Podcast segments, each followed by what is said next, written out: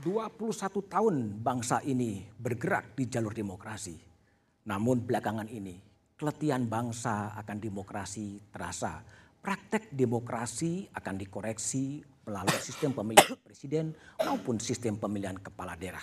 Betulkah ada jalan mundur demokrasi? Sejumlah narasumber terhadir dari ujung sebelah kanan. Usman Hamid, Direktur Eksekutif Amnesty International Indonesia. Malam, Bung Usman. Kemudian ada Fahri Hamzah, mantan Wakil Ketua DPR dan sekarang Wakil Ketua Umum Partai Gelora. Malam, Malam, Fahri. kasih.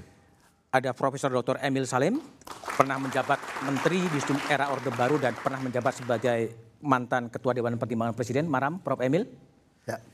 Di sebelah kiri saya ada Ketua PBI Nahdlatul Ulama, Kiai Haji Marsudi Lut. Malam, Pak Marsudi. Assalamualaikum warahmatullahi wabarakatuh. Waalaikumsalam. Kemudian ada Zulfan Lindan, politisi dari Partai Nasdem. Malam, Bang Zulfan. Dan ada Wakil Ketua MPR dari PDI Perjuangan, Ahmad Basarah. Malam, Ahmad Basarah. Sebelum saya memulai diskusi, kita coba dengar terlebih dahulu kutipan dari Ketua Umum PBNU Kiai Haji Said Agil Sirot soal eh, pemilu oleh MPR. Ini kiai-kiai me- mengusulkan atau memberi masukan kepada pemerintah bahwa sebaiknya pilihan presiden, pilihan kepala, kepala daerah kembali melalui MPR dan DPRD dalam cara musyawarah dan mufakat. Banyak pertimbangannya. Pemilihan presiden dan wakil presiden oleh MPR adalah langkah mundur demokrasi dan menghilangkan kedaulatan rakyat dalam memilih pemimpinnya, pemimpin tertingginya. Baik, Pak Marsudi, apa sebetulnya rasionalitas di balik PBNU mengusulkan agar pemilihan presiden dikembalikan kepada MPR? Jadi kan itu berawal dari ketua dan wakil ketua MPR datang ke PBNU. Termasuk Ma- Ahmad Ya. Basara ya? Yang ketika itu. Ya, yang sesungguhnya sebelum itu sudah muncul berita-berita yang tentang amandemen. Hmm.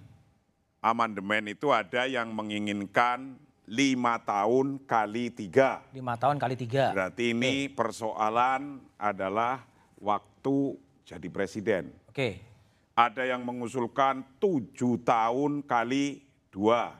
Ada juga yang katanya mau di amandemen tentang GBHN dan lain-lainnya. Hmm. Itu sudah mengemuka lebih dahulu. Kemudian Hah? ketika datang ke PBNU disampaikan. Coba bayangkan. Bagi mereka yang sudah terpilih, yang sudah terpilih ini, terpilih. jadi MPR, Jadi MPR. jadi itu kok enak sekali ya. Lima tahun kali tiga. Uh. Apakah ini tidak memikirkan susah payahnya masyarakat nih? Masyarakat itu minimal dalam pilpres yang langsung kemarin, pilkada yang langsung kemarin akan melahirkan satu, melahirkan ketegangan-ketegangan di dalam baik keluarga sendiri, satu rumah, Oke. keluarga CRT, CRW, bahkan sampai kelompok-kelompok dan organisasi. Satu. Nomor dua, korban yang ditimbulkan juga tidak sedikit. Ah. Selain nomor tiga adalah ongkos sosialnya Yang mahal. sangat mahal dan Oke. tinggi. Tapi yang terpenting ini nomor empat nih. Menguatnya politik identitas Hmm. atas nama agama. Oke, Itu yang tidak selesai, yang sekarang Menteri Agama lagi sibuk lagi sibuk. sibuk sekali untuk meng- termasuk untuk mengurusi ini. Apa yang dilakukan oleh beliau antara lain melakukan buku saja mau direvisi. Oke, sebentar, sebentar. Itu, Buku. itu ah, Kiai. Terus kemudian Ah, sebentar. Ah. Ap- apakah itu PBNU sudah secara spesifik mengkaji dampak-dampak buruk dari pilpres langsung, kemudian memilih kepada MPR, dan itu akan menyelesaikan persoalan? itu kan mengusulkan Hmm? begitu. Tujuannya, tujuannya ini Hmm? kita usulkan begitu karena ada yang kejadian-kejadian yang sampai sekarang saja selesai? belum selesai-selesai, termasuk menghasilkan polemik radikalisasi yang sekarang lagi diurusi oleh Menteri Agama sampai menerbitkan eh, SKB 11 Menteri dan lain-lainnya. Lah yang semacam itu kok ini nggak dibahas? maka dimunculkanlah oleh Ketua Umum PBNU. PBNU Peng- eh, Kiai Profesor Dr. Kiai Haji Said Akil Siraj untuk mengusulkan ini ini se- sebuah usulan evaluasi nih sesungguhnya yang dikembalikan sangat ke MPR besar. ya. Oke, oke, baik. Saya, Bung Usman, gimana? Bung Usman eh, lihat ada empat rasionalitas yang membuat PBNU kemudian udahlah dipilih ke MPR saja. Termasuk yang terakhir Pak adalah. Bung Diman, ada yang terputus. Mestinya saya melengkapi penjelasan. Oh sebentar nanti Ya. Saya ke Usman dulu. Silakan, Usman. Oke, sebenarnya eh, kan ada banyak tuh ya. Satu misalnya tentang pemilihan langsung presiden atau melalui MPR. Ah. Sebenarnya ini dalam sistem demokrasi hanya varian-varian saja. Ya. Sejauh Demokrasi perwakilan katakanlah, Demokrasi perwakilan anggota DPR, anggota MPR-nya memang dipilih oleh rakyat secara langsung, demokratis, jujur, sebenarnya itu tidak terlalu jadi soal. Sekarang yang jadi soal adalah apa sebenarnya motif atau intensi atau kecenderungan di balik perubahan pemilihan langsung tersebut dengan memberikannya kepada pemilihan oleh MPR. Anda mencium ada motifnya? Saya kira kalau dari para analis politik kelihatan mereka memprediksi usaha untuk menggolkan jago-jago politik dari katakanlah eh, partai besar di Indonesia. Kalau dipilih MPR peluangnya lebih besar gitu? Begitu kelihatannya begitu. Itu kan dari satu sisi. Dari Oke. sisi yang lain sebenarnya masyarakatnya yang sebenarnya sudah banyak berpartisipasi secara langsung melalui pemilihan umum. Hah? Kalau dikatakan ada politik biaya tinggi, Hah? kita perlu cari sebabnya di mana. Apakah politik pendanaan partai, apakah politik misalnya uang dalam pemilu, Oke. atau misalnya dalam soal politik identitas. Oke. Apakah sebabnya karena pemilihan langsung dan tidak langsung, atau sebabnya lebih karena retorika para elit politik yang, Yang menggunakan membakar. agama untuk mengadu domba para pemilihnya atau lemahnya penegak hukum di dalam menertibkan ujaran-ujaran kebencian berdasarkan agama. Oke. Jadi sebabnya harus betul-betul matang mana sebenarnya Oke, yang baik. itu Silakan. Ahmad Basarah. Tadi mau melengkapi Kiai Marsudi. Iya, eh, saya ingin melengkapi penjelasan Kiai Marsudi tadi Hmm. perihal kunjungan pimpinan MPR ke kantor PBNU. PBNU. Hmm. Ya. Kunjungan itu adalah kunjungan yang memang sudah digariskan oleh pimpinan MPR yang sekarang ini untuk melakukan silaturahmi kebangsaan. Bertemu dengan para tokoh-tokoh bangsa, tokoh-tokoh politik, tokoh-tokoh agama dan lain sebagainya. Oke. Kami sudah bertemu dengan para mantan presiden, wakil presiden, ketua umum partai politik. Nah, tanggal 27 November yang lalu itu ada bertepatan dengan silaturahim dengan ke- eh, pengurus besar Nahdlatul Ulama. Oke. Dalam pertemuan tersebut, salah satu agenda yang kami diskusikan dengan PBNU adalah mengenai rekomendasi MPR periode sebelumnya, Oke. yaitu perlunya menghadirkan konstitusi. kembali haluan negara Oke. melalui amandemen terbatas. Oke. Fokusnya di situ. Ya. Nah, di dalam diskusi itu kemudian tiba-tiba muncullah informasi yang disampaikan oleh salah seorang pengurus besar Nahdlatul Ulama Hmm. bahwa NU sudah lebih tegas dari gagasan MPR yang hanya sekedar mau mengamandemen secara terbatas Hmm. Oh, undang-undang lebih dasar luas, ya? negara. Oke. Disebutkanlah bahwa di tahun 2012 melalui eh, Munas Alim Ulama di Kem- di Kempek Cirebon, Jawa Jawa Barat. Barat, itu sudah dihasilkan beberapa rekomendasi. Fokusnya memang pada pilkada. Tapi Oke. soal pilpres langsung juga dibahas di sana begitu. Nah, yang mau saya katakan, mengapa saya tadi ingin menyambung penjelasan Kiai Marsudi bahwa PBNU sebenarnya tidak memberikan aksentuasi pada eh, pada eh, gagasan, Hmm. Pada gagasan tentang pemilu, oleh kembali MPR. oleh MPR begitu Oke. kan. Justru beliau eh, Pak Kiai Said Agus Sirat dan lain-lain ingin mengkonfirmasi Hmm. MPR tidak perlu ragu gitu untuk menghadirkan kembali haluan negara dengan amandemen terbatas Undang-Undang Hmm? Oke. 45 karena kami sendiri sudah lebih maju gitu loh. Oke. Nah, Oke. yang ingin saya katakan adalah bahwa jalan MPR untuk untuk menginisiasi, mewacanakan bahkan merencanakan menghadirkan kembali haluan negara melalui amandemen terbatas tidak menyentuh pasal-pasal yang lain, tidak menyentuh pasal 6A ayat 1 tentang cara presiden dipilih langsung oleh rakyat, tidak menyentuh pasal 7 tentang masa jabatan presiden 5 tahun kali dua periode, sesuatu yang moderat sebenarnya. Suatu yang moderat dan memang dibutuhkan oleh bangsa Indonesia saat ini begitu.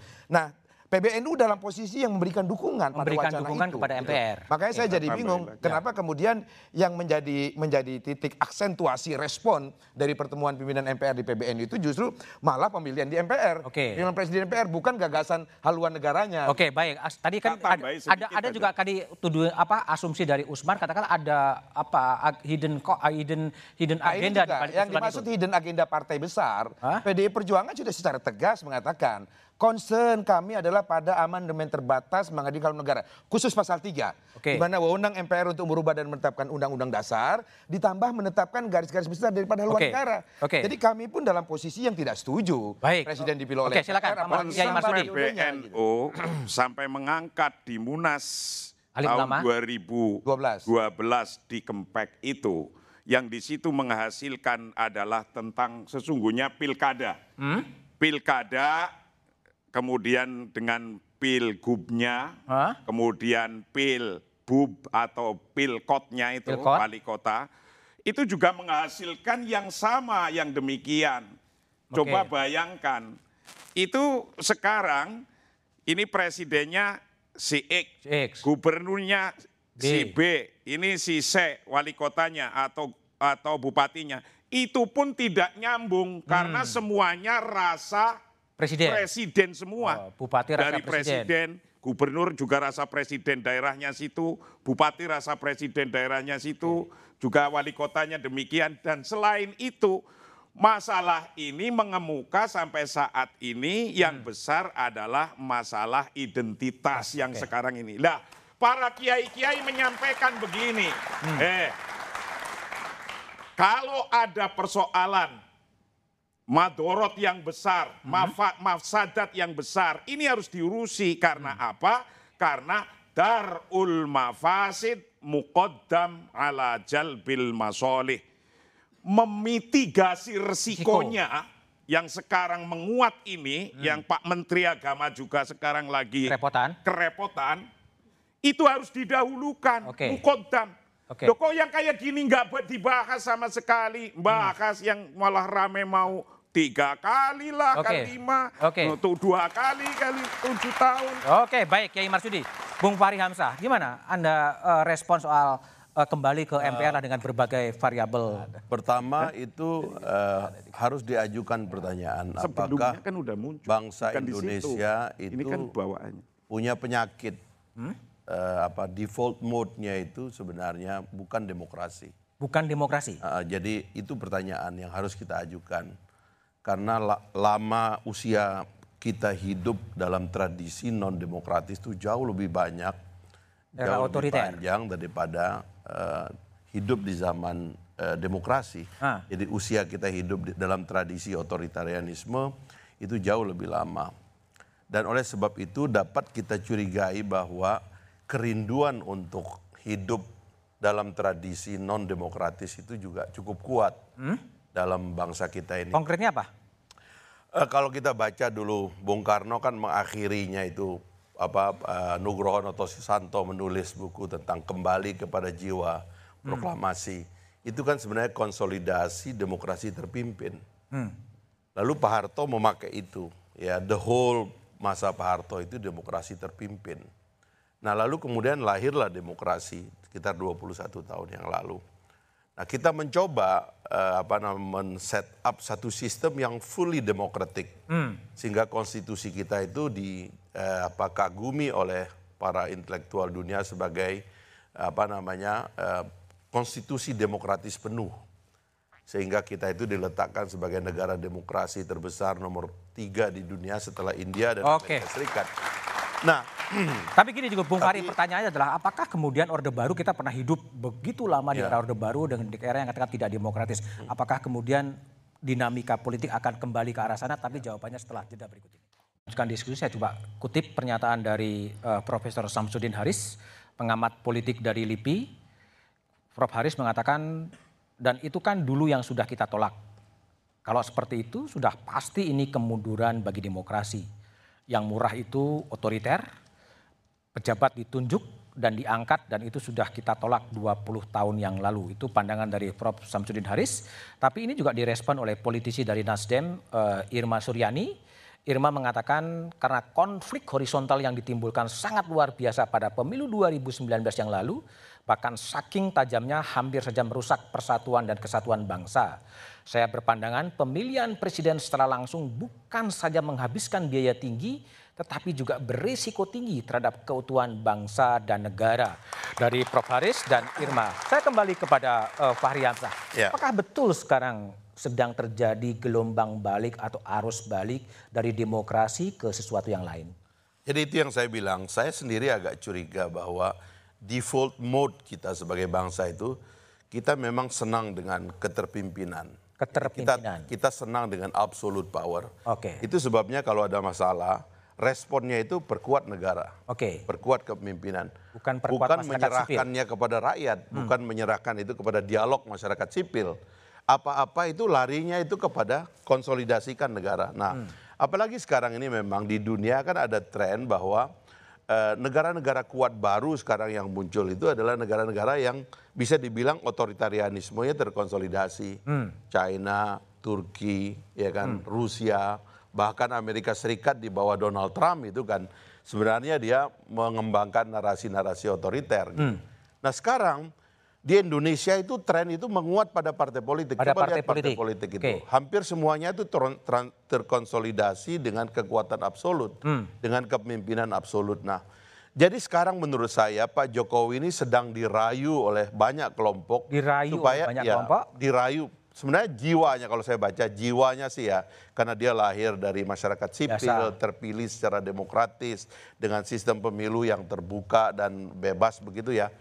Jiwanya dia sih kayaknya bisa apa diseret lebih kepada Oke. demokratis, tapi dia juga lagi dirayu. Ah. Sampai Menteri Keuangan mengatakan apa namanya pemimpin-pemimpin otoriter atau negara otoriter lebih ramah terhadap kapital. Ah. Jadi karena ini pikirannya ini kita Oke. mau membangun Oke. kapital harus lebih banyak masuk, maka negara harus dikonsolidasi. Caranya adalah ciptakan oligarki formil Hmm. dengan cara itu tadi memperkuat MPR, nanti pemilihannya oleh MPR, Oke. oleh DPRD dan sebagainya. Lalu rakyat lebih banyak kira-kira sebagai penonton. penonton. Oke, gitu. baik. Saya akan minta pandangan Prof. Emil Salim. Prof. Emil, betul nggak sih apa asumsi dari Fahri Hamzah bahwa memang kecenderungan bangsa ini suka-suka dengan yang absolut, suka-suka yang lebih otoriter, kemudian seperti itu?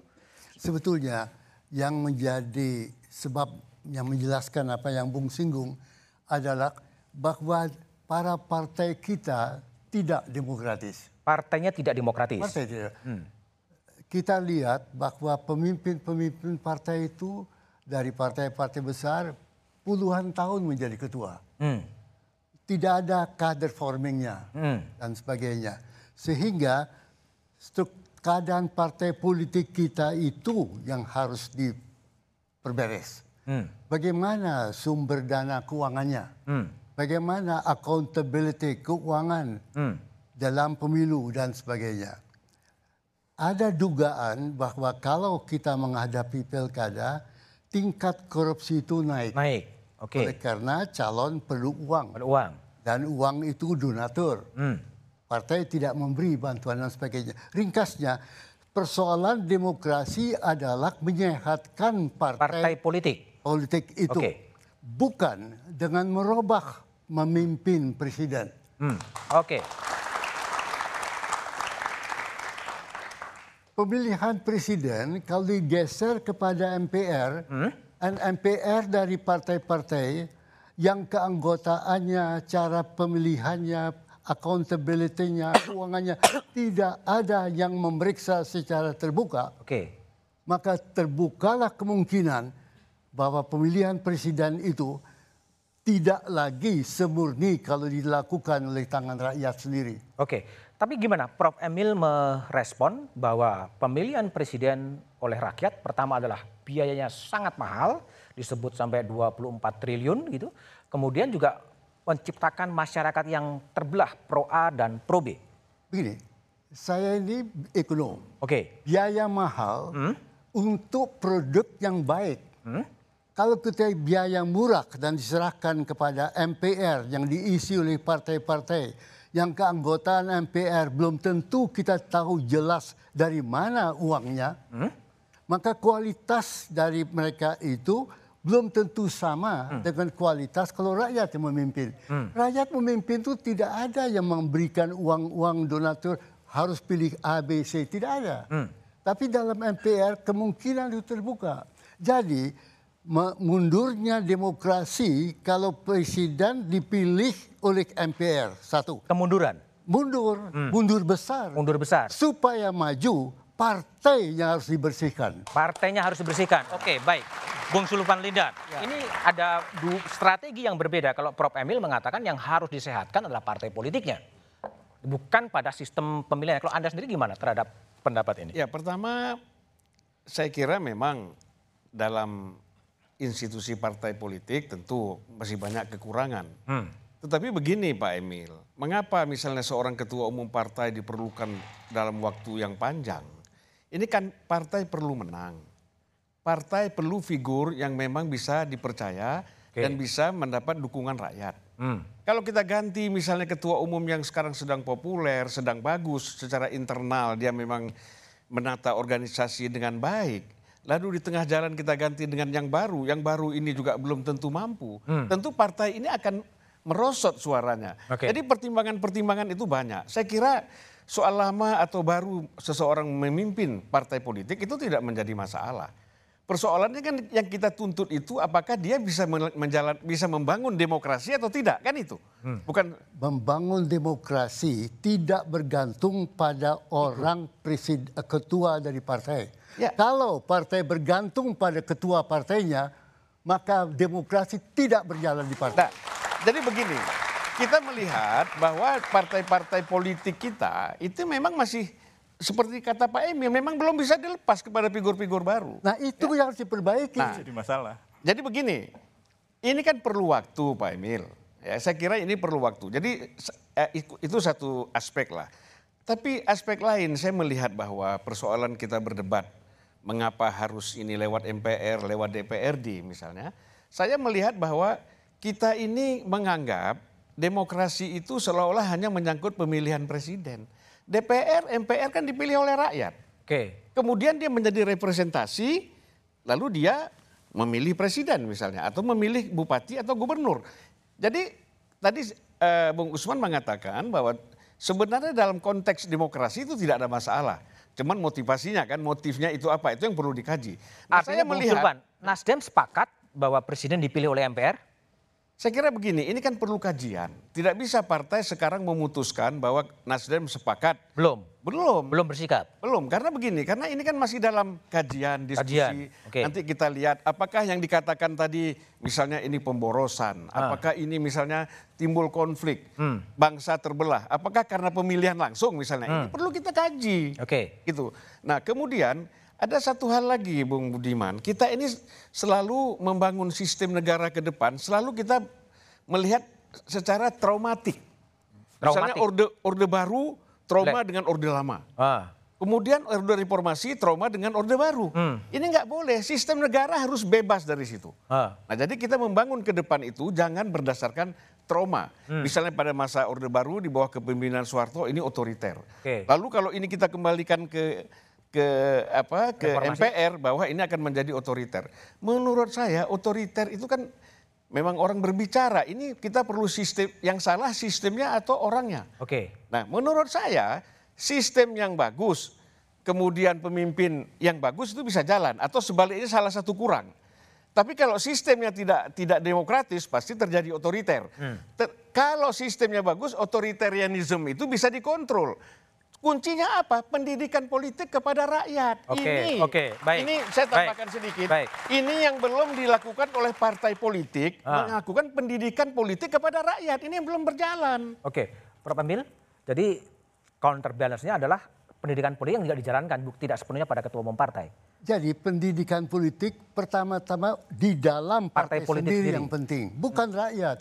Partai sekarang ini yang terjadi, yang dipilih bukan kader-kader yang benar, tetapi mereka yang bisa mencari donatur Oh. untuk bisa membiayai pemilihannya.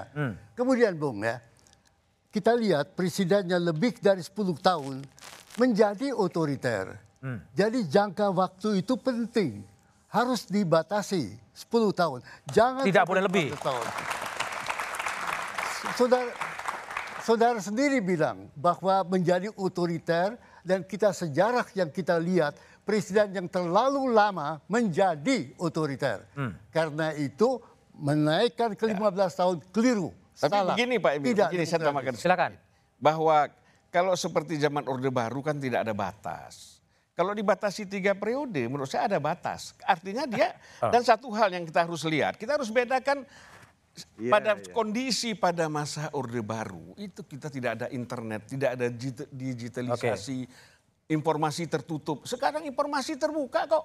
Apa pun kesalahan yang dibuat oleh seorang pemimpin rakyat tahu. Oke. Itu jadi saya kira beda kondisinya dengan yang dulu. Jadi- karena itu, karena terbuka, maka jangan lewat 10 tahun.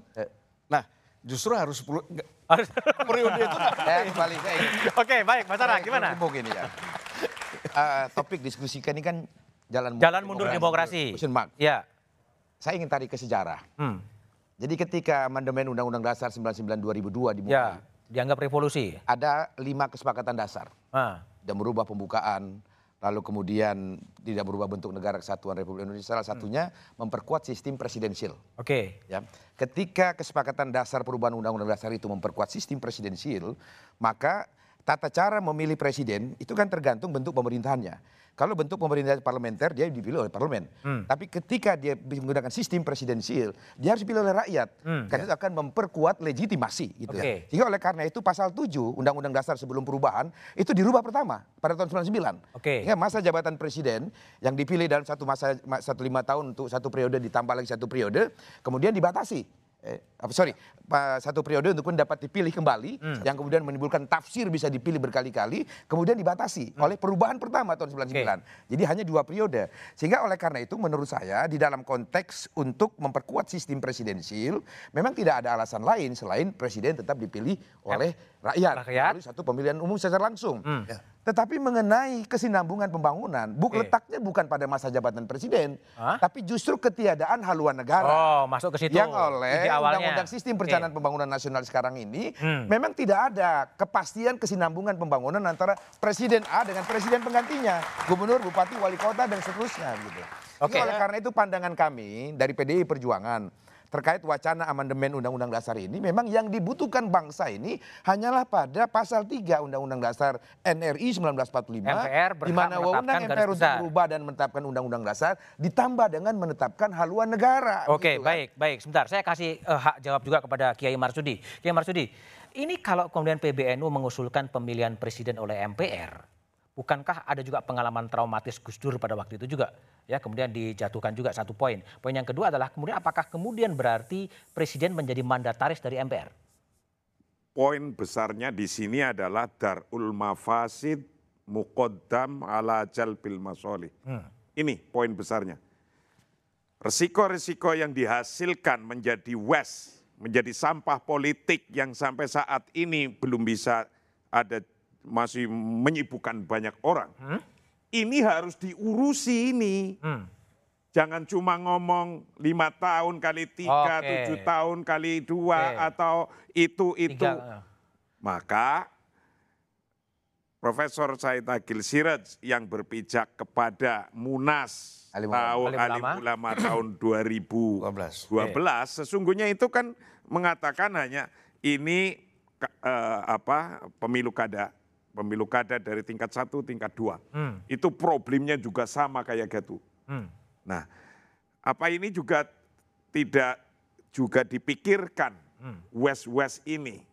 Itu loh, jangan cuma enak-enak sudah jadi pejabat yang dipikirkan memperpanjang Memperpanjang. jabatannya. Wah, enak sekali itu.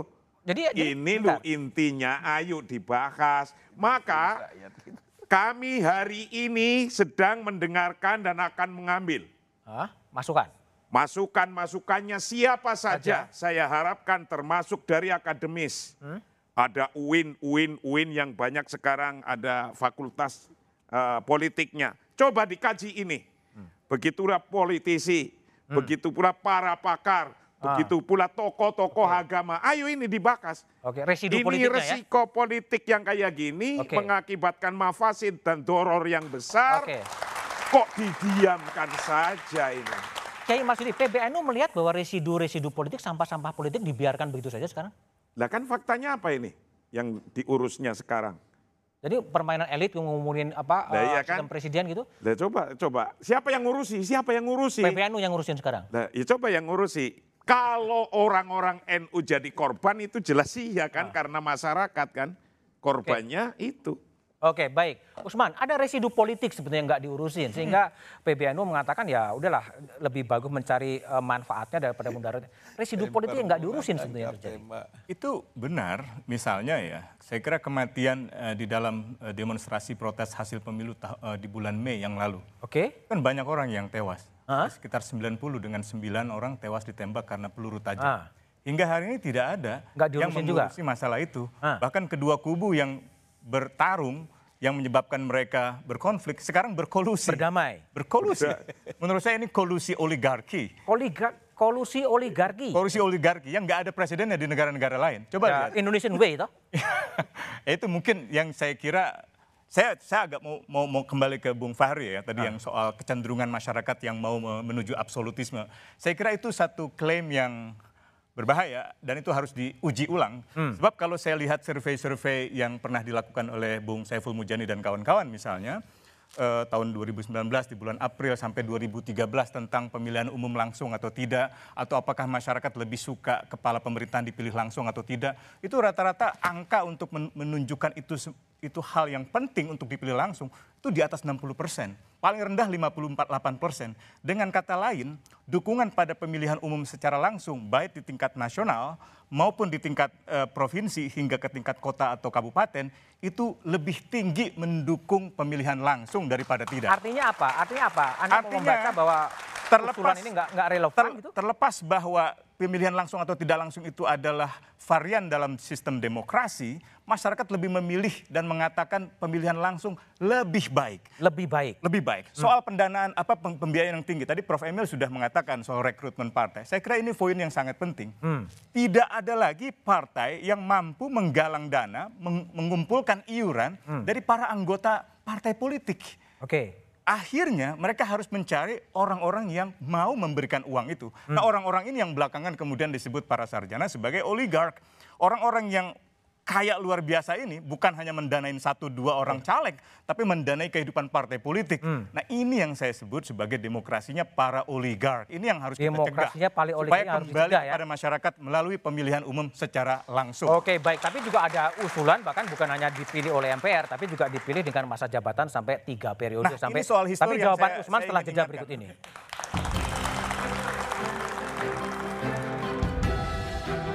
Kutip pernyataan dari eh, politisi Partai Nasdem, eh, Saan Mustafa. Saan mengatakan ini soal eh, apa eh, masa jabatan presiden. Jadi misalnya gini, kalau kita punya seorang presiden yang baik, yang hebat, ternyata misalnya programnya belum selesai, tiba-tiba masa jabatannya habis. Kan sayang. Ketika berganti akan ganti kebijakan. Kesinambungannya akan terhenti. Makanya ada wacana kenapa kita nggak buka wacana satu periode lagi menjadi tiga periode. Itu kata Saan. Tadi siang Pak Jokowi juga merespon, ya apakah yang direspon Saan atau merespon opini publik, ini pandangan Pak Jokowi.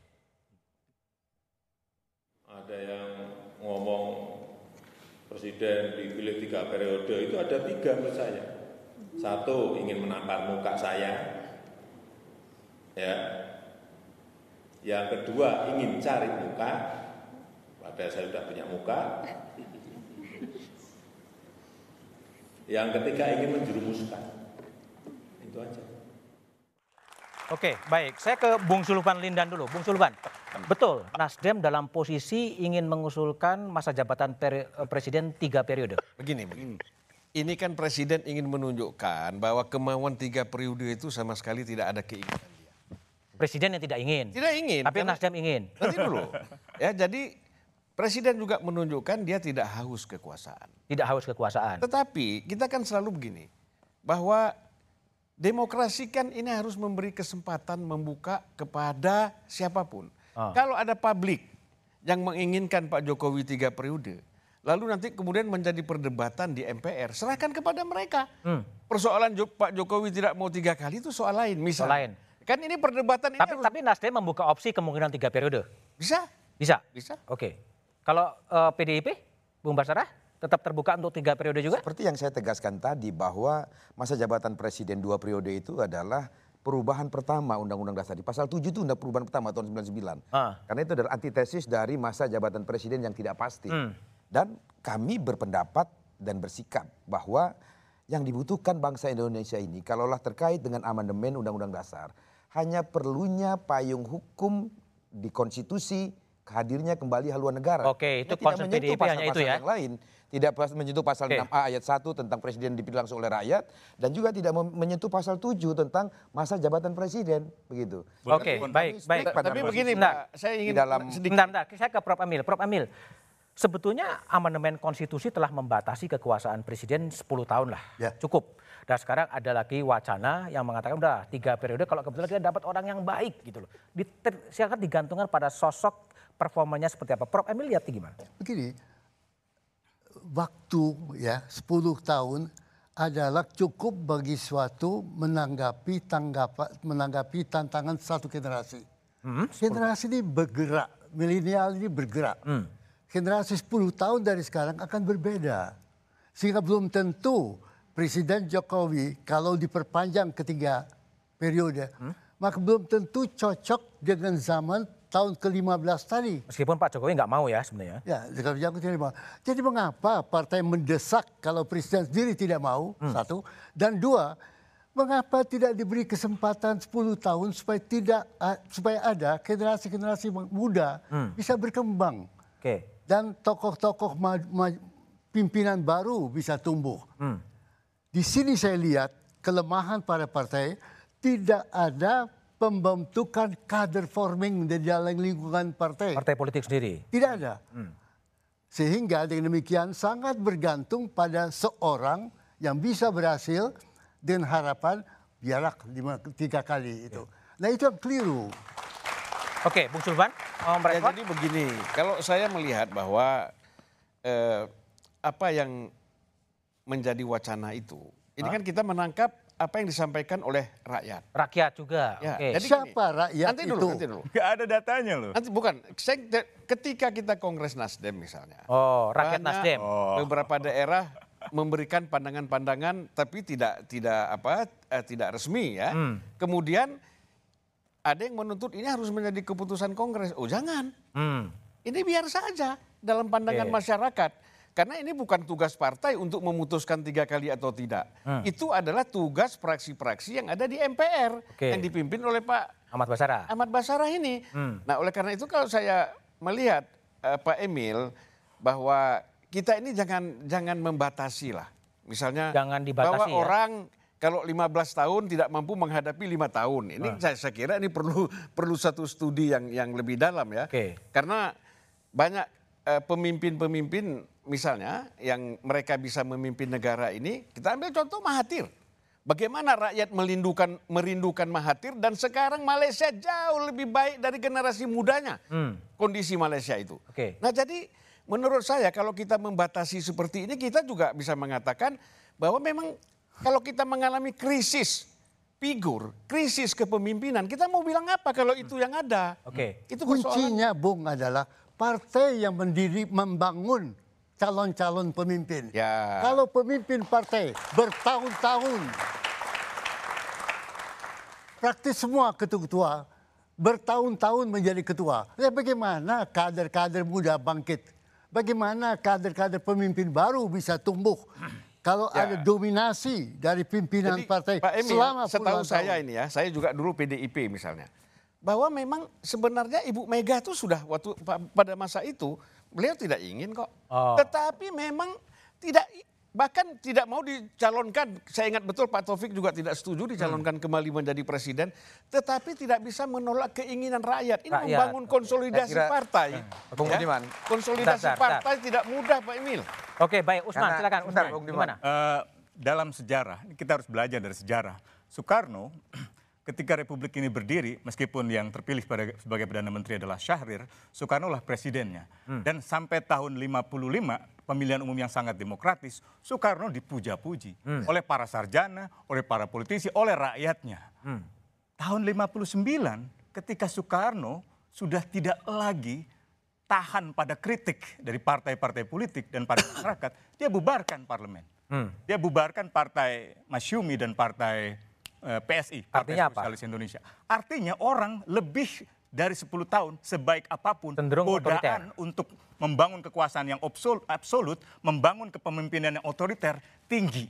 dalam kasus partai-partai sekarang, saya setuju dengan pendapat Prof. Elim, partainya yang tidak demokratis. Atau kalau tadi dikatakan ketua umumnya tidak bisa menolak kehendak partai. Ket-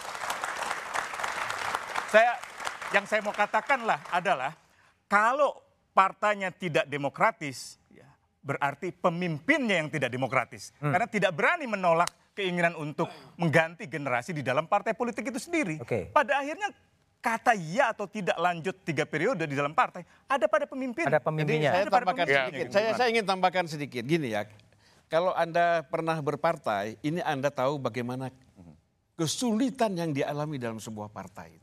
Jadi tidak mudah.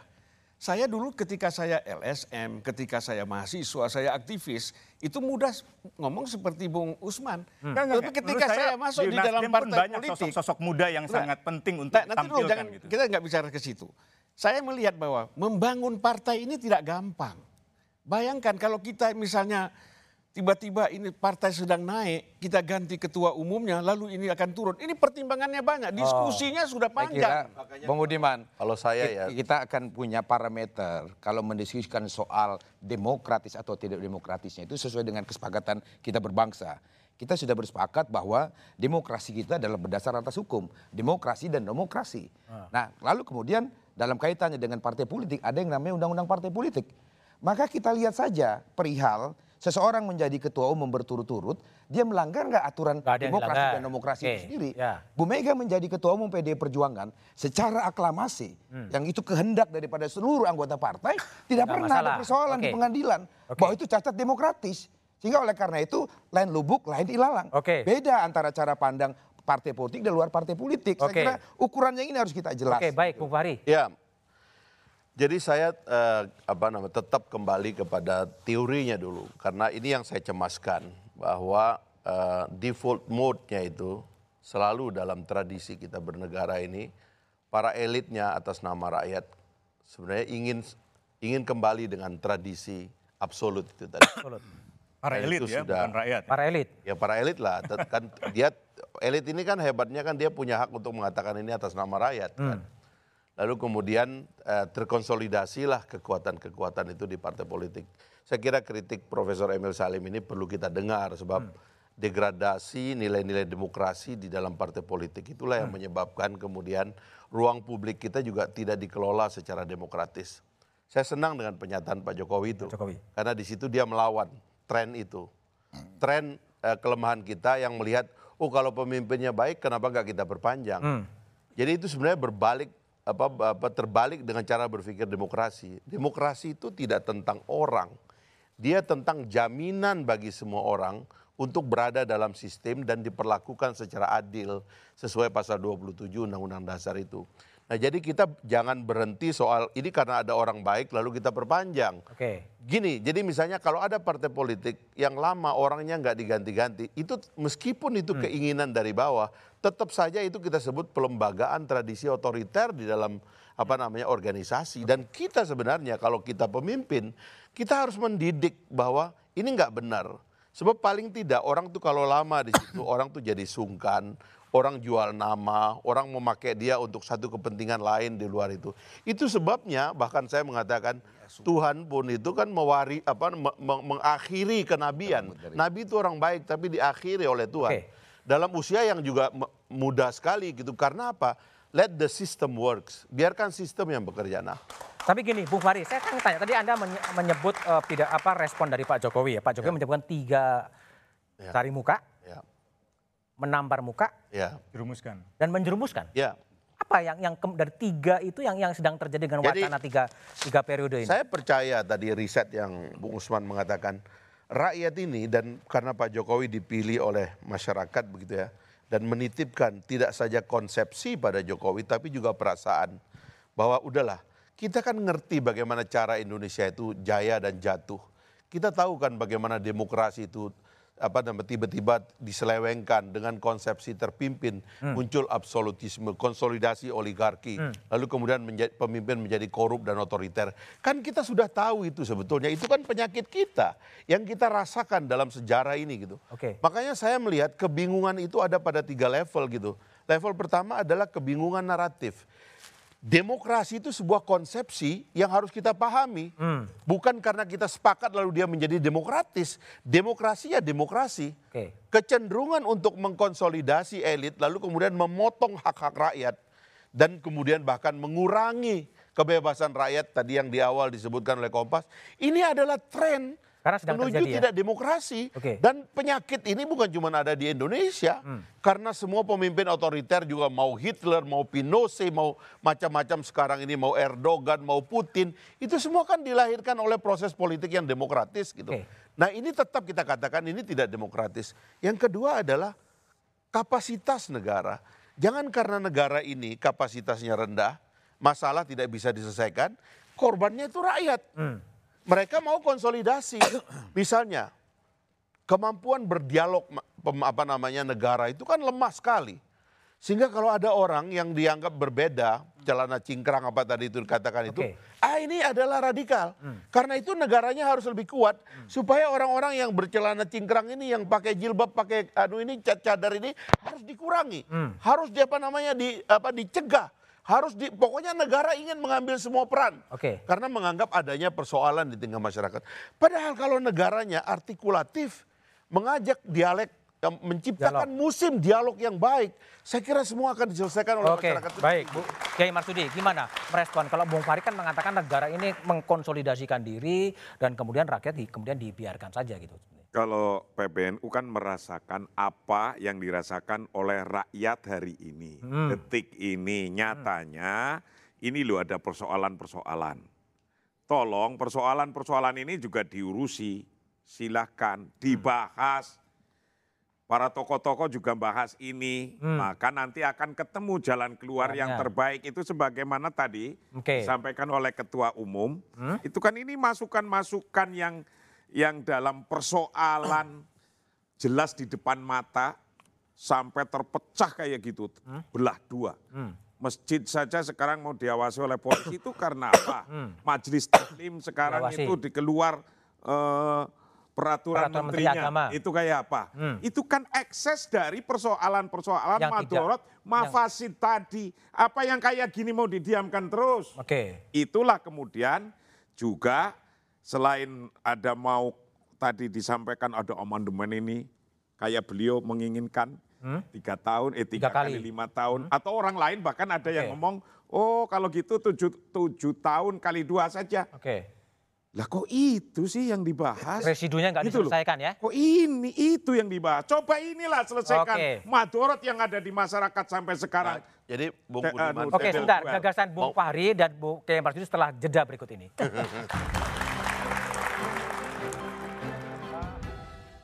Forum sebelum saya melanjutkan diskusi, saya juga kutipkan terlebih dahulu pernyataan dari Menteri Dalam Negeri Tito Karnavian soal pelaksanaan pilkada. bagaimana mengurangi eh, kos biaya tinggi bagi calon pilkada.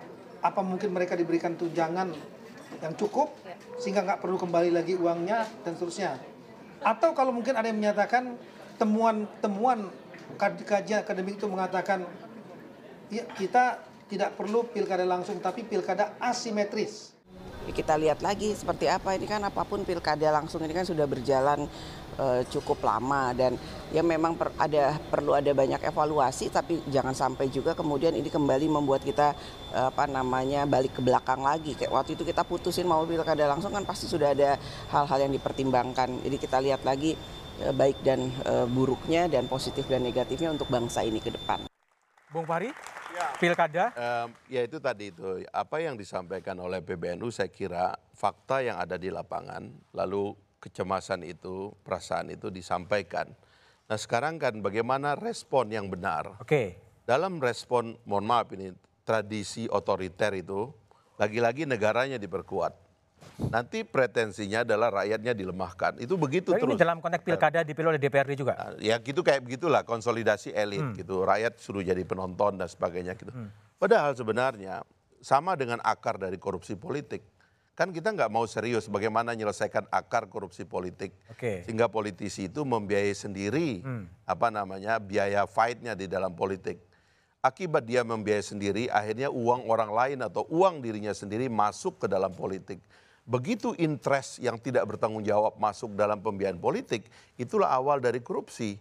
Nah makanya kemudian dalam teori pembiayaan partai politik itu kan ada beberapa dan itu sudah baku sebenarnya. Jadi tidak perlu dengan oleh pilkada oleh DPRD. Tidak perlu, yang Oke. penting kita atur pembiayaannya. Pembiayaan Yang partai kita, politik. Kita regulate dan regulasinya itu ada tiga paling tidak. Yang pertama itu dibiayai oleh negara seperti di Eropa Barat. Hmm. Atau dibiayai oleh pasar seperti di Amerika Serikat tapi auditnya dibikin lebih disiplin.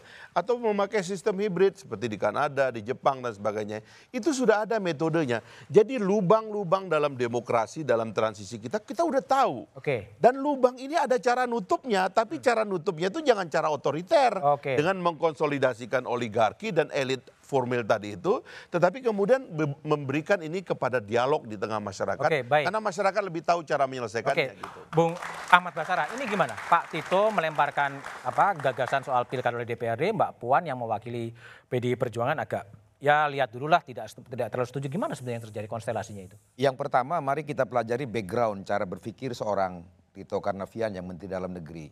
Sebelum beliau Menteri Dalam Negeri kan adalah dia Kapolri. Ah. Yang bertanggung jawab terhadap keamanan di seluruh Indonesia. Hmm. Nah saya kira apa yang beliau katakan setelah menjadi Menteri Dalam Negeri. Punya landasan lalu empirik gitu ya. kemudian memberikan gagasan, usulan, wacana, perlunya mengevaluasi kembali pelaksanaan pilkada langsung. Oke. Itu kan terkait dengan ketika dia menjalankan fungsi penanggung jawab keamanan. Hmm. Bahwa banyak sekali pilkada-pilkada yang dilaksanakan secara langsung itu menurut sudut pandangnya menimbulkan hal-hal yang bersifat negatif. Oke. Salah satu yang dicontohkannya itu adalah korelasi antara biaya tinggi pada saat pilkada dengan eh, kepala daerah kepala daerah yang berurusan dengan Hmm. aparat penegak hukum apakah itu kepolisian, kejaksaan maupun komisi pemberantasan korupsi.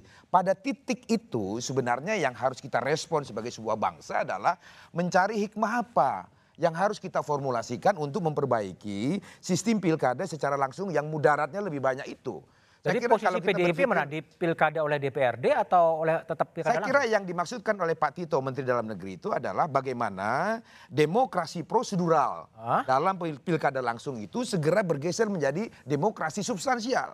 Mari kita periksa alinea keempat pembukaan Undang-Undang 45. Sila keadilan sosial itu sebelum dia diucapkan itu ada frasa kalimat yang mengatakan serta dengan mewujudkan keadilan sosial bagi seluruh Indonesia. Maka demokrasi Indonesia itu harusnya adalah mewujudkan kesejahteraan, keadilan. Yang terjadi tidak demikian. Oke. Kepala daerah yang dipilih menurut prosedur demokrasi, pada prakteknya ketika dia berpilih, yang dipikirkan adalah bagaimana mengembalikan biaya kampanye yang begitu mahal. Oke, baik. akhirnya korupsi Oke, dan baik. tidak memikirkan Prof. kesejahteraan lihat rakyat. gimana? Ini negara seperti eksperimen ya. Dulu dipilih Hmm. oleh DPRD, kemudian era reformasi dipilih oleh rakyat, demokrasi kemudian dikritik habis berbiaya mahal, sekarang muncul pikiran lagi, udah pilih oleh DPRD lagi. Prof. Emil refleksi dari perjalanan demokrasi Indonesia dikaitkan dengan pernyataan Pak Tito adalah lebih bagus kembali kepada tidak langsung melalui DPRD. Ya, pertama demokrasi itu bergantung sangat dalam sistem kita pada partai politik. Oh kembali pada partai politik. Ya, maka sehatkan partai politik. Hmm. Kalau perlu dana keuangan dari pemerintah yang seribu per, Hmm, ditambah. per, per suara APBN ya? naikkan itu. Kalau perlu juga di dalam hal pembiayaan pemilihan umum Hmm. juga pemerintah ikut campur. Jadi alasan bahwa partai tidak punya uang Hmm. sehingga mencari donatur itu sumber dari korupsi. Sumber dari korupsi. Jadi yang pertama adalah partai politik ini harus kita sehatkan. Oke. Ya. Kalau kita perhatikan tiap-tiap partai, apakah sih beda ideologi antara partai A dengan B, B dengan C? Ada bedanya? Ya, beda. Jadi bagi rakyat, bagi ini, kenapa dia pilih A, kenapa tidak B? Ah. Kalau sama-sama ideologi basisnya sama. Hmm. Tetapi yang anehnya Pak, tidak ada satu yang memperjuangkan Pancasila. Tidak ada Apa? satu perjuangan Pancasila. Ya, mengapa keluar ketentuan mengenai deradikalisasi itu? Karena dianggap men- men- menyimpang dari Pancasila. Oke. Tapi secara objektif, apa sih Hmm. ketuhanan yang Maha Esa mestinya gimana? Peri kemanusiaan dan sebagainya. Hmm. Adakah partai-partai memperjuangkan konten, isi pada Pancasila. bagi anggota-anggotanya? Oke. Adakah itu dilakukan? Coba Sulwan, ada nggak di Nasdem? Begini, jadi saya melihat pertama gini Pak, sistem apa pun yang kita gunakan, kalau proses pendidikan politik kepada rakyat tidak kita bangun, maka sama saja. Ya sekarang kita melihat misalnya, kenapa kita curiga kepada eh, DPR, kepada MPR, ini kan karena syarat dengan money politik. Kita tidak usah, ini money politik ini kan luar biasa bermain. Nah sehingga ketika kita lihat dalam konteks ini, sistem apa pun yang kita gunakan itu kita tidak bisa melahirkan seorang figur yang betul-betul sesuai dengan Jadi yang salah sistemnya. Ya, Sistemnya yang salah atau orang-orang? bukan sistem. Artinya orang-orang Orang-orang. orang-orang yang ada di, dal- di dalam sistem ini, Hmm. ini kan syarat dengan money politik. Ini bahaya sekali. Hmm. Ya, ya kita lihatlah siapa yang menjadi wali kota, bupati, ya kan? Uang itu ke mana paling banyak dia dia sebarkan? Ah. Bukan kepada kampanye yang dalam konteks yang sudah diprogramkan, tetapi kan menyebar ke mana-mana kepada rakyat. Anda, saya kasih tahu bahwa Anda membangun jembatan, membangun dalam kampanye DPR misalnya, membangun jembatan, membangun yang namanya kita sarana-sarana kepentingan rakyat. Itu habis dalam satu hari dengan 100-200 ribu waktu Money saat mereka itu. masuk gitu. Oke. Ini bahaya sekali. Jadi Tapi mana partai posisinya? Nah, ini yang saya ingin saya katakan. Ini yang ingin saya katakan, Pak. Makanya partai politik harus fokus membangun baik terhadap kadernya atau terhadap pendukungnya yang namanya pendidikan politik, penyadaran politik. Hmm. Pertama apa? Saya setuju sekali bahwa memang tidak pernah disentuh itu yang namanya Pancasila. Sebagai ideologi partai dan ideologi negara. Yang disampaikan itu kan terus terang case per case, kasus per kasus yang ada di tengah-tengah masyarakat yang itu aktual, yang itu bisa membuat eh, suara partai atau pendukung itu memilih dia. Nah inilah problem yang kita hadapi ketika kita terjun di dalam dunia politik sekarang. Nah bagaimana ini merubahnya? Saya kira kembali lagi bahwa lembaga-lembaga seperti kejaksaan, polisi, KPK dan lain-lain itu harus serius Oke. menyisir money-money politik yang dilakukan oleh orang-orang yang sebenarnya tidak kredibel untuk menjadi kepala daerah. Oke, baik. Pak Masudi dulu. Silakan, Kiai. Tadi baru disampaikan oleh Pak Tito sebagai Menteri Dalam, Dalam negeri. Negeri, Ah. yang kemarin sebagai Kapolri. Kapolri, yang selalu di lapangan. Hmm. Ya itu yang dirasakan beliau itu juga yang dirasakan oleh PBNU. PBNU. Oke. Itu persoalannya. This is a fact. Hmm. Kita mau care apa tidak terhadap ini persoalan bangsa ini. Hmm. Ini ini persoalannya. Oke. Maka Kiai Said, Ketua Umum Pengurus Besar Nahdlatul Ulama, coba masukannya kayak apa? Hmm. Ini dengan begini. Ini dari bapak-bapak ini yang sudah pada jadi pejabat semua. Hmm. Apa mau enak-enak itu meninggalkan eh, masyarakat yang masih Masyarakat terpecah. ditinggalkan. Oke. jadi- Baik, jadi itu sebentar. tadi, Bung. Saya ke Usman dulu. Silakan Usman. Usman ngomong. Em, dari mana mulainya ya? Mungkin gini. Jadi kita itu kan sering debat pada bentuk dan sistem. Oke. Tapi lupa pada isi. Ini sama seperti perdebatan para pendiri bangsa dulu ketika mau menyusun republik, demokrasi atau yang lain. Tan Malaka terkenal dengan ucapan mengatakan kita mau pilih sistem demokrasi ala Jerman yang menghasilkan penindasan terhadap minoritas, Hitler, atau kita mau, mau membentuk seperti monarki Inggris tapi menghormati hak-hak buruhnya. Hmm. Jadi soalnya bukan hanya pada bentuk atau sistem, tetapi pada isi. Nah, tadi Pak Ahmad Basara banyak bicara tentang apa namanya eh, garis-garis besar haluan negara. Tapi apa persisnya yang mau diletakkan kembali di dalam garis-garis besar haluan negara itu kan belum muncul yang menjadi perdebatan. Persis seperti yang Prof Emil tadi katakan, sebenarnya yang bicara Pancasila hampir semua partai, Prof. Cuman bicara konten yang tadi Prof bilang itu yang nggak ada. Misalnya soal sila pertama. Bagaimana memastikan agar tidak ada diskriminasi terhadap manusia lain hanya karena pandangannya berbeda, hanya karena keyakinannya berbeda, atau yang kedua peri kemanusiaan yang adil dan beradab. Apakah partai-partai politik ini berjuang bertarung untuk menyelesaikan problem hak asasi manusia? Tidak ada. Ini soalnya menurut saya. Jadi orang lebih ribet pad- ribut pada sistem, pada bentuk semata-mata untuk memastikan kekuasaannya terus berjalan, bukan untuk mengabdi pada Termasuk keadilan. untuk usulan pilkada oleh DPRD? Dalam soal pilkada oleh DPRD, survei-survei dari 2014, 2000 2012, 2013, 2014 sampai 2016, baik itu di tingkat provinsi, gubernur, maupun di tingkat wali kota, maksudnya kota Madia dan kabupaten, semua masyarakat banyak yang mengatakan lebih baik dipilih langsung.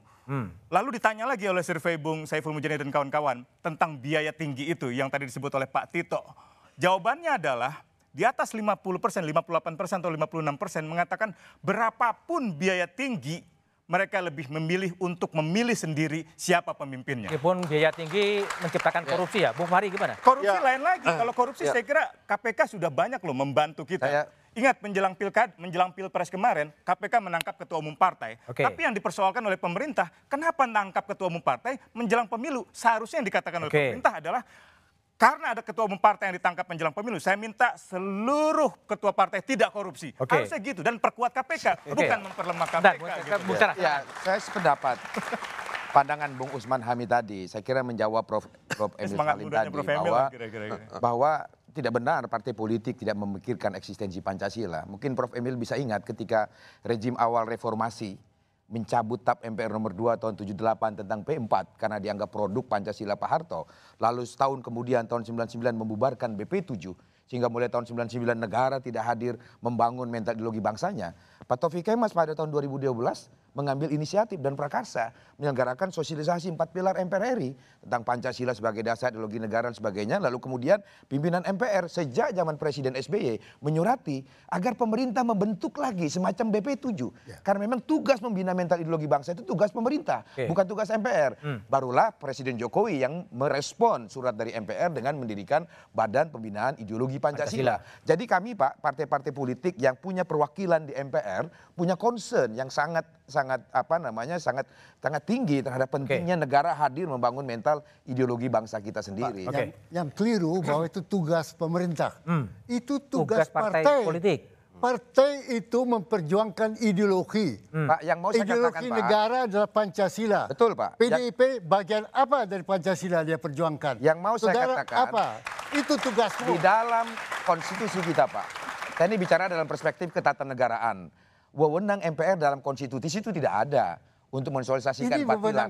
Tapi karena kesadaran partai politik lah memerintahkan kader-kadernya yang ada di parlemen bikin lagi itu sosialisasi tentang Pancasila agar Ya, hadir. ya. Jadi kami ini adalah perangkat partai politik, Pak. Cuma ketika bicara MPR, wewenang MPR menurut konstitusi itu bukan itu. Tapi karena kita merasa penting hadirnya pemerintah, hadirnya negara, maka kemudian MPR menjalankan fungsi sosialisasi empat pilar MPR Oke, pada waktu oke, baik. Sebenarnya siapa sih yang harus juga menyelesaikan, mensosialisasikan Pancasila, menyelesaikan radikalisme? Tapi jawabannya setelah jeda berikut ini.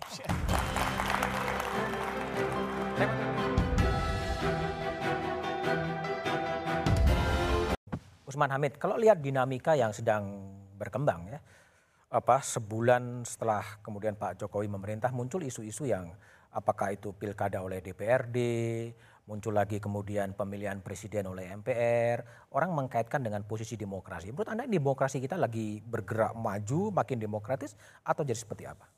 Eh, indikator utama untuk maju mundurnya sebuah demokrasi, kalau banyak eh, lembaga indeks demokrasi dunia mengukurnya, adalah pada kebebasan sipil dan pada kebebasan politik. Telah terlihat para kajian- kajian-kajian itu memperlihatkan kemunduran dalam kebebasan berekspresi.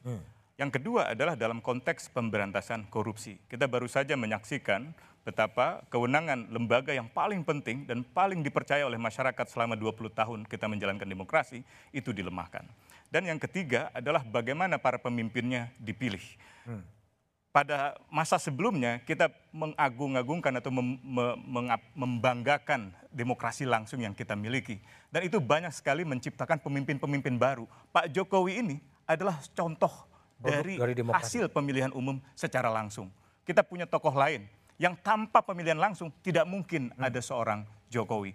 Atau contoh contoh-contoh lain misalnya Risma atau misalnya Khofifah Indar Parawangsa PKB misalnya itu adalah contoh-contoh dari demokrasi yang langsung. Nah, bagaimana memastikan sistem yang sudah baik ini menghasilkan pemilihan menghasilkan pemimpin yang baik. Apa itu ukuran pemimpin yang baik? Ini yang keempat, yaitu bukan hanya mereka dipilih secara demokratis, tetapi kepe- keterpilihan mereka mau melindungi hak asasi manusia. Oke, baik. Bung Basarah, gimana Bung Basarah? Kalau menurut Anda sebagai partai yang berada di pemerintah, apakah memang demokrasi kita memang sedang bergerak mundur ya? Kan dalam transisi demokrasi kan mungkin aja balik lagi ke otoriter ketika bangsa ini mulai letih dengan demokrasi yang terlalu gaduh dan lain sebagainya. Ya demokrasi jangan dipahami secara linear. Demokrasi itu kan satu proses yang sirkuler, tesis, antitesis, sintesis. Dalam hal kita berbangsa itu selalu demikian karena zaman yang selalu berubah, dinamika sosial berubah, dinamika politik juga berubah. Sehingga oleh karena itu kita jangan alergi Terhadap? setiap gagasan dan pendapat Oh. yang muncul dari berbagai kalangan. Hmm. Ya, yang penting di dalam hal menjalankan kebebasan berpikir, mengeluarkan pendapat secara lisan dan lisan, kita sepakat dengan sistem demokrasi. Bahwa dalam pasal 28J Negara hukum. ayat 2 diatur bahwa kebebasan warga negara itu dibatasi Hmm. oleh kebebasan yang lain Oke. melalui pengaturan lewat undang-undang. Saya kira sepanjang prinsip bernegara ini kita pegang, kita tidak perlulah kemudian menjadi gaduh ketika PBNU mengusulkan ada ga- gagasan presiden kembali dipilih oleh MPR, ada yang tiga periode. Yang penting kan nanti secara formil MPR yang, yang diberi wewenang konstitusional untuk mengusulkan perubahan pasal-pasal dalam undang-undang itu adalah MPR. Sepertiga anggota MPR dia wajib mengusulkan tentang pasal mana yang akan Apa yang dirubah, diubah? kemudian kajian akademis dan penjelasan-penjelasannya. Kapan sih itu? Dan saya kira untuk mencapai sana bukan persoalan yang mudah. Hmm. Karena mengusulkan satu pasal saja. Pasal 3 Undang-Undang dasar ini untuk menambah MPR. frase kalimat MPR berwenang merubah menetapkan Undang-Undang dasar ditambah menetapkan haluan negara. Diskursusnya luar biasa. Luar biasa. Apalagi ditambah tentang Tambah yang balik lain-lain ke ya. MPR masa jabatan tiga periode. Saya kira biarlah bangsa ini biasa berdialektika, berdiskusi sehingga bangsa kita makin dewasa. Oke. Oleh karena itu jangan ada prejudice, jangan ada sakwa sangka. Oke. Gitu. Bung Fahri, nggak perlu sakwa sangka lah. Ini biasa-biasa aja kebebasan berpendapat, mau usul tiga apa tiga periode juga boleh-boleh saja sebetulnya. Ya itu sebenarnya sih juga tidak ada masalah. Yang penting jangan kemudian negara ambil untung dan rakyat diperlemah. Itu saja sebenarnya. Gimana ambil untungnya? Ya karena kalau kita lihat kalau dalam kalau dalam pemilihan kan eh, oke lah itu. Kalau saya malah kalau dalam pemilihan itu agak teknis ya memandang. Misalnya camat itu kan. Camat itu kan tidak juga dipilih oleh rakyat. Hmm. Tapi dia punya kewenangan. Nah pada level pemerintah daerah kewenangan itu apa berbanding lurus dengan eh, apa namanya cara dia dipilih. Oke. Semakin dia punya kewenangan yang besar, maka cara dipilihnya itu harus lebih accountable, yaitu oleh rakyat. Tapi kalau dia administratif seperti camat, ya dia dipilih oleh bupati. Ya. Apakah misalnya kita mau meletakkan gubernur dengan apa dalam posisi camat, sehingga gubernur itu hanya diberikan fungsi administratif, Hmm. maka dia tidak perlu dipilih oleh DPRD bahkan dia boleh ditunjuk oleh presiden. Misalnya itu karena power itu goes to apa namanya cara dia dipilih gitu. Kalau powernya besar ya dia dipilih oleh rakyat. Nah kira-kira begitulah cara kita mengatur demokrasi ini sebenarnya. Nah karena itu sebenarnya yang saya lihat ini adalah lubang-lubang. Tapi saya belum melihat cara eh, kita bernegara ini mengelola lubang-lubang ini. Oke. Salah satunya yang kalau saya lihat ya adalah eh, apa, miskinnya dialog antara parlemen dengan presiden. Memang sistem kita ini adalah presidensialisme sehingga eh, apa namanya anggota parlemen itu lebih banyak berdialog dengan menteri. Hmm. Dan menteri-menteri ini nggak ada yang secara khusus menangani dialog dengan kelembagaan apa namanya DPR itu. Dulu di tahun-tahun 50-an itu salah satu pos kabinet yang pasti itu adalah kementerian khusus yang terkait dengan dialog dengan parlemen. Itu yang kita nggak punya sekarang sehingga apa yang dikonsolidasi idenya oleh Pak Basara dan kawan-kawan itu itu terdiri. tidak menjadi keyakinan presiden dan pagi-pagi presiden sudah membantah parlemen. Oke. Padahal itu dari partainya Pak Basara juga kan. Oke, baik. Bung Sulpan gimana Ya. posisi demokrasi kita sekarang ini? Saya kira kalau kita bicara demokrasi, kita harus perluas. Konstitusi ini memang harus diamandemen. Salah satu misalnya, mengapa tidak boleh ada calon presiden independen? Oh, dibuka lagi. Kita buka independen. Oke. Saya kira kita Jadi buka. Buka lagi nih. Sangat ter- Tambah, sangat tambah luas, lagi. bukan terbatas. Tambah, ya? Oke. tambah. Tambah. Ya, artinya biar aja calon itu kan kita nyambut apa kata Pak Emil. Ya. Bahwa kita perlu menampung, menyaring orang-orang yang memang kredibel dan mampu nanti. Jadi kalau ada calon independen kan Oke. artinya apa yang dikhawatirkan soal oligarki dan macam-macam dari partai ini kan bisa diselesaikan. Dengan Itu cara independen. Kedua, kita juga jangan batasi 20 persen lah. Oh, Kita threshold. sudah lihat, threshold 20 persen itu menyebabkan dua kali kita pemilihan presiden kita ribut terus. Oleh karena Keterbelahan itu, tadi itu. Ya. Keterbelahan tadi. Keterbelahan Ya, sosial. Sebabnya oleh karena itu threshold. menurut saya bahwa dalam konteks ini kita buka aja. Oke. Misalnya 10 persen Hmm. atau 15 persen misalnya, sehingga bisa calon itu tiga atau empat. Jadi nggak terbatas ya? Jangan terbatas. Oh, Kalau nggak ada sekarang kan batasnya. kalau koalisinya sudah terkumpul ke sini 40, Ah. di sana 45, tinggal 15 nggak bisa calon. Oke, baik. Prof Emil, gimana Prof Emil eh, melihat apa duduk soal demokrasi kita, demokrasi kita ini sekarang? Ya, persoalan timbul karena keprihatinan dari PBNU. NU. Ya. Masalahnya Pak, kunci masalah kita adalah partai politik kita tidak menjalankan fungsinya yang baik. Ketika Republik Merdeka, maklumat X keluar dari Bung Hatta, Hatta. membangun partai politik sebagai organisasi masyarakat yang memberi isi pada demokrasi. Partai kita sekarang yang ada semua itu tidak menjalankan fungsinya sebagai Partai politik. partai politik Oke. Membangun berdasarkan Pancasila. Kalau itu dijalankan mengambil segi-segi Pancasila tertentu, keresahan dari NU tidak perlu ada. Jadi jadi jalan mundurnya demokrasi ini kalau presiden dipilih lebih dari uh, Dua periode. 10 dua periode itu mundur Mundur. harus ditolak. Maka apa jalan keluar? Sehatkan partai, politik, Oke. dari finansial, dari keuangan, keterbukaan keuangan dari partai, umumkan dari mana sumber partai dan sebagainya. Sehingga kita memiliki sistem partai yang sehat, yang accountable, yang dapat dipertanggungjawabkan. Oke, baik Prof. Emil. Kiai Marsudi silakan terakhir. NU menyimpulkan Sesungguhnya semuanya. NU hanya ingin memastikan Hmm.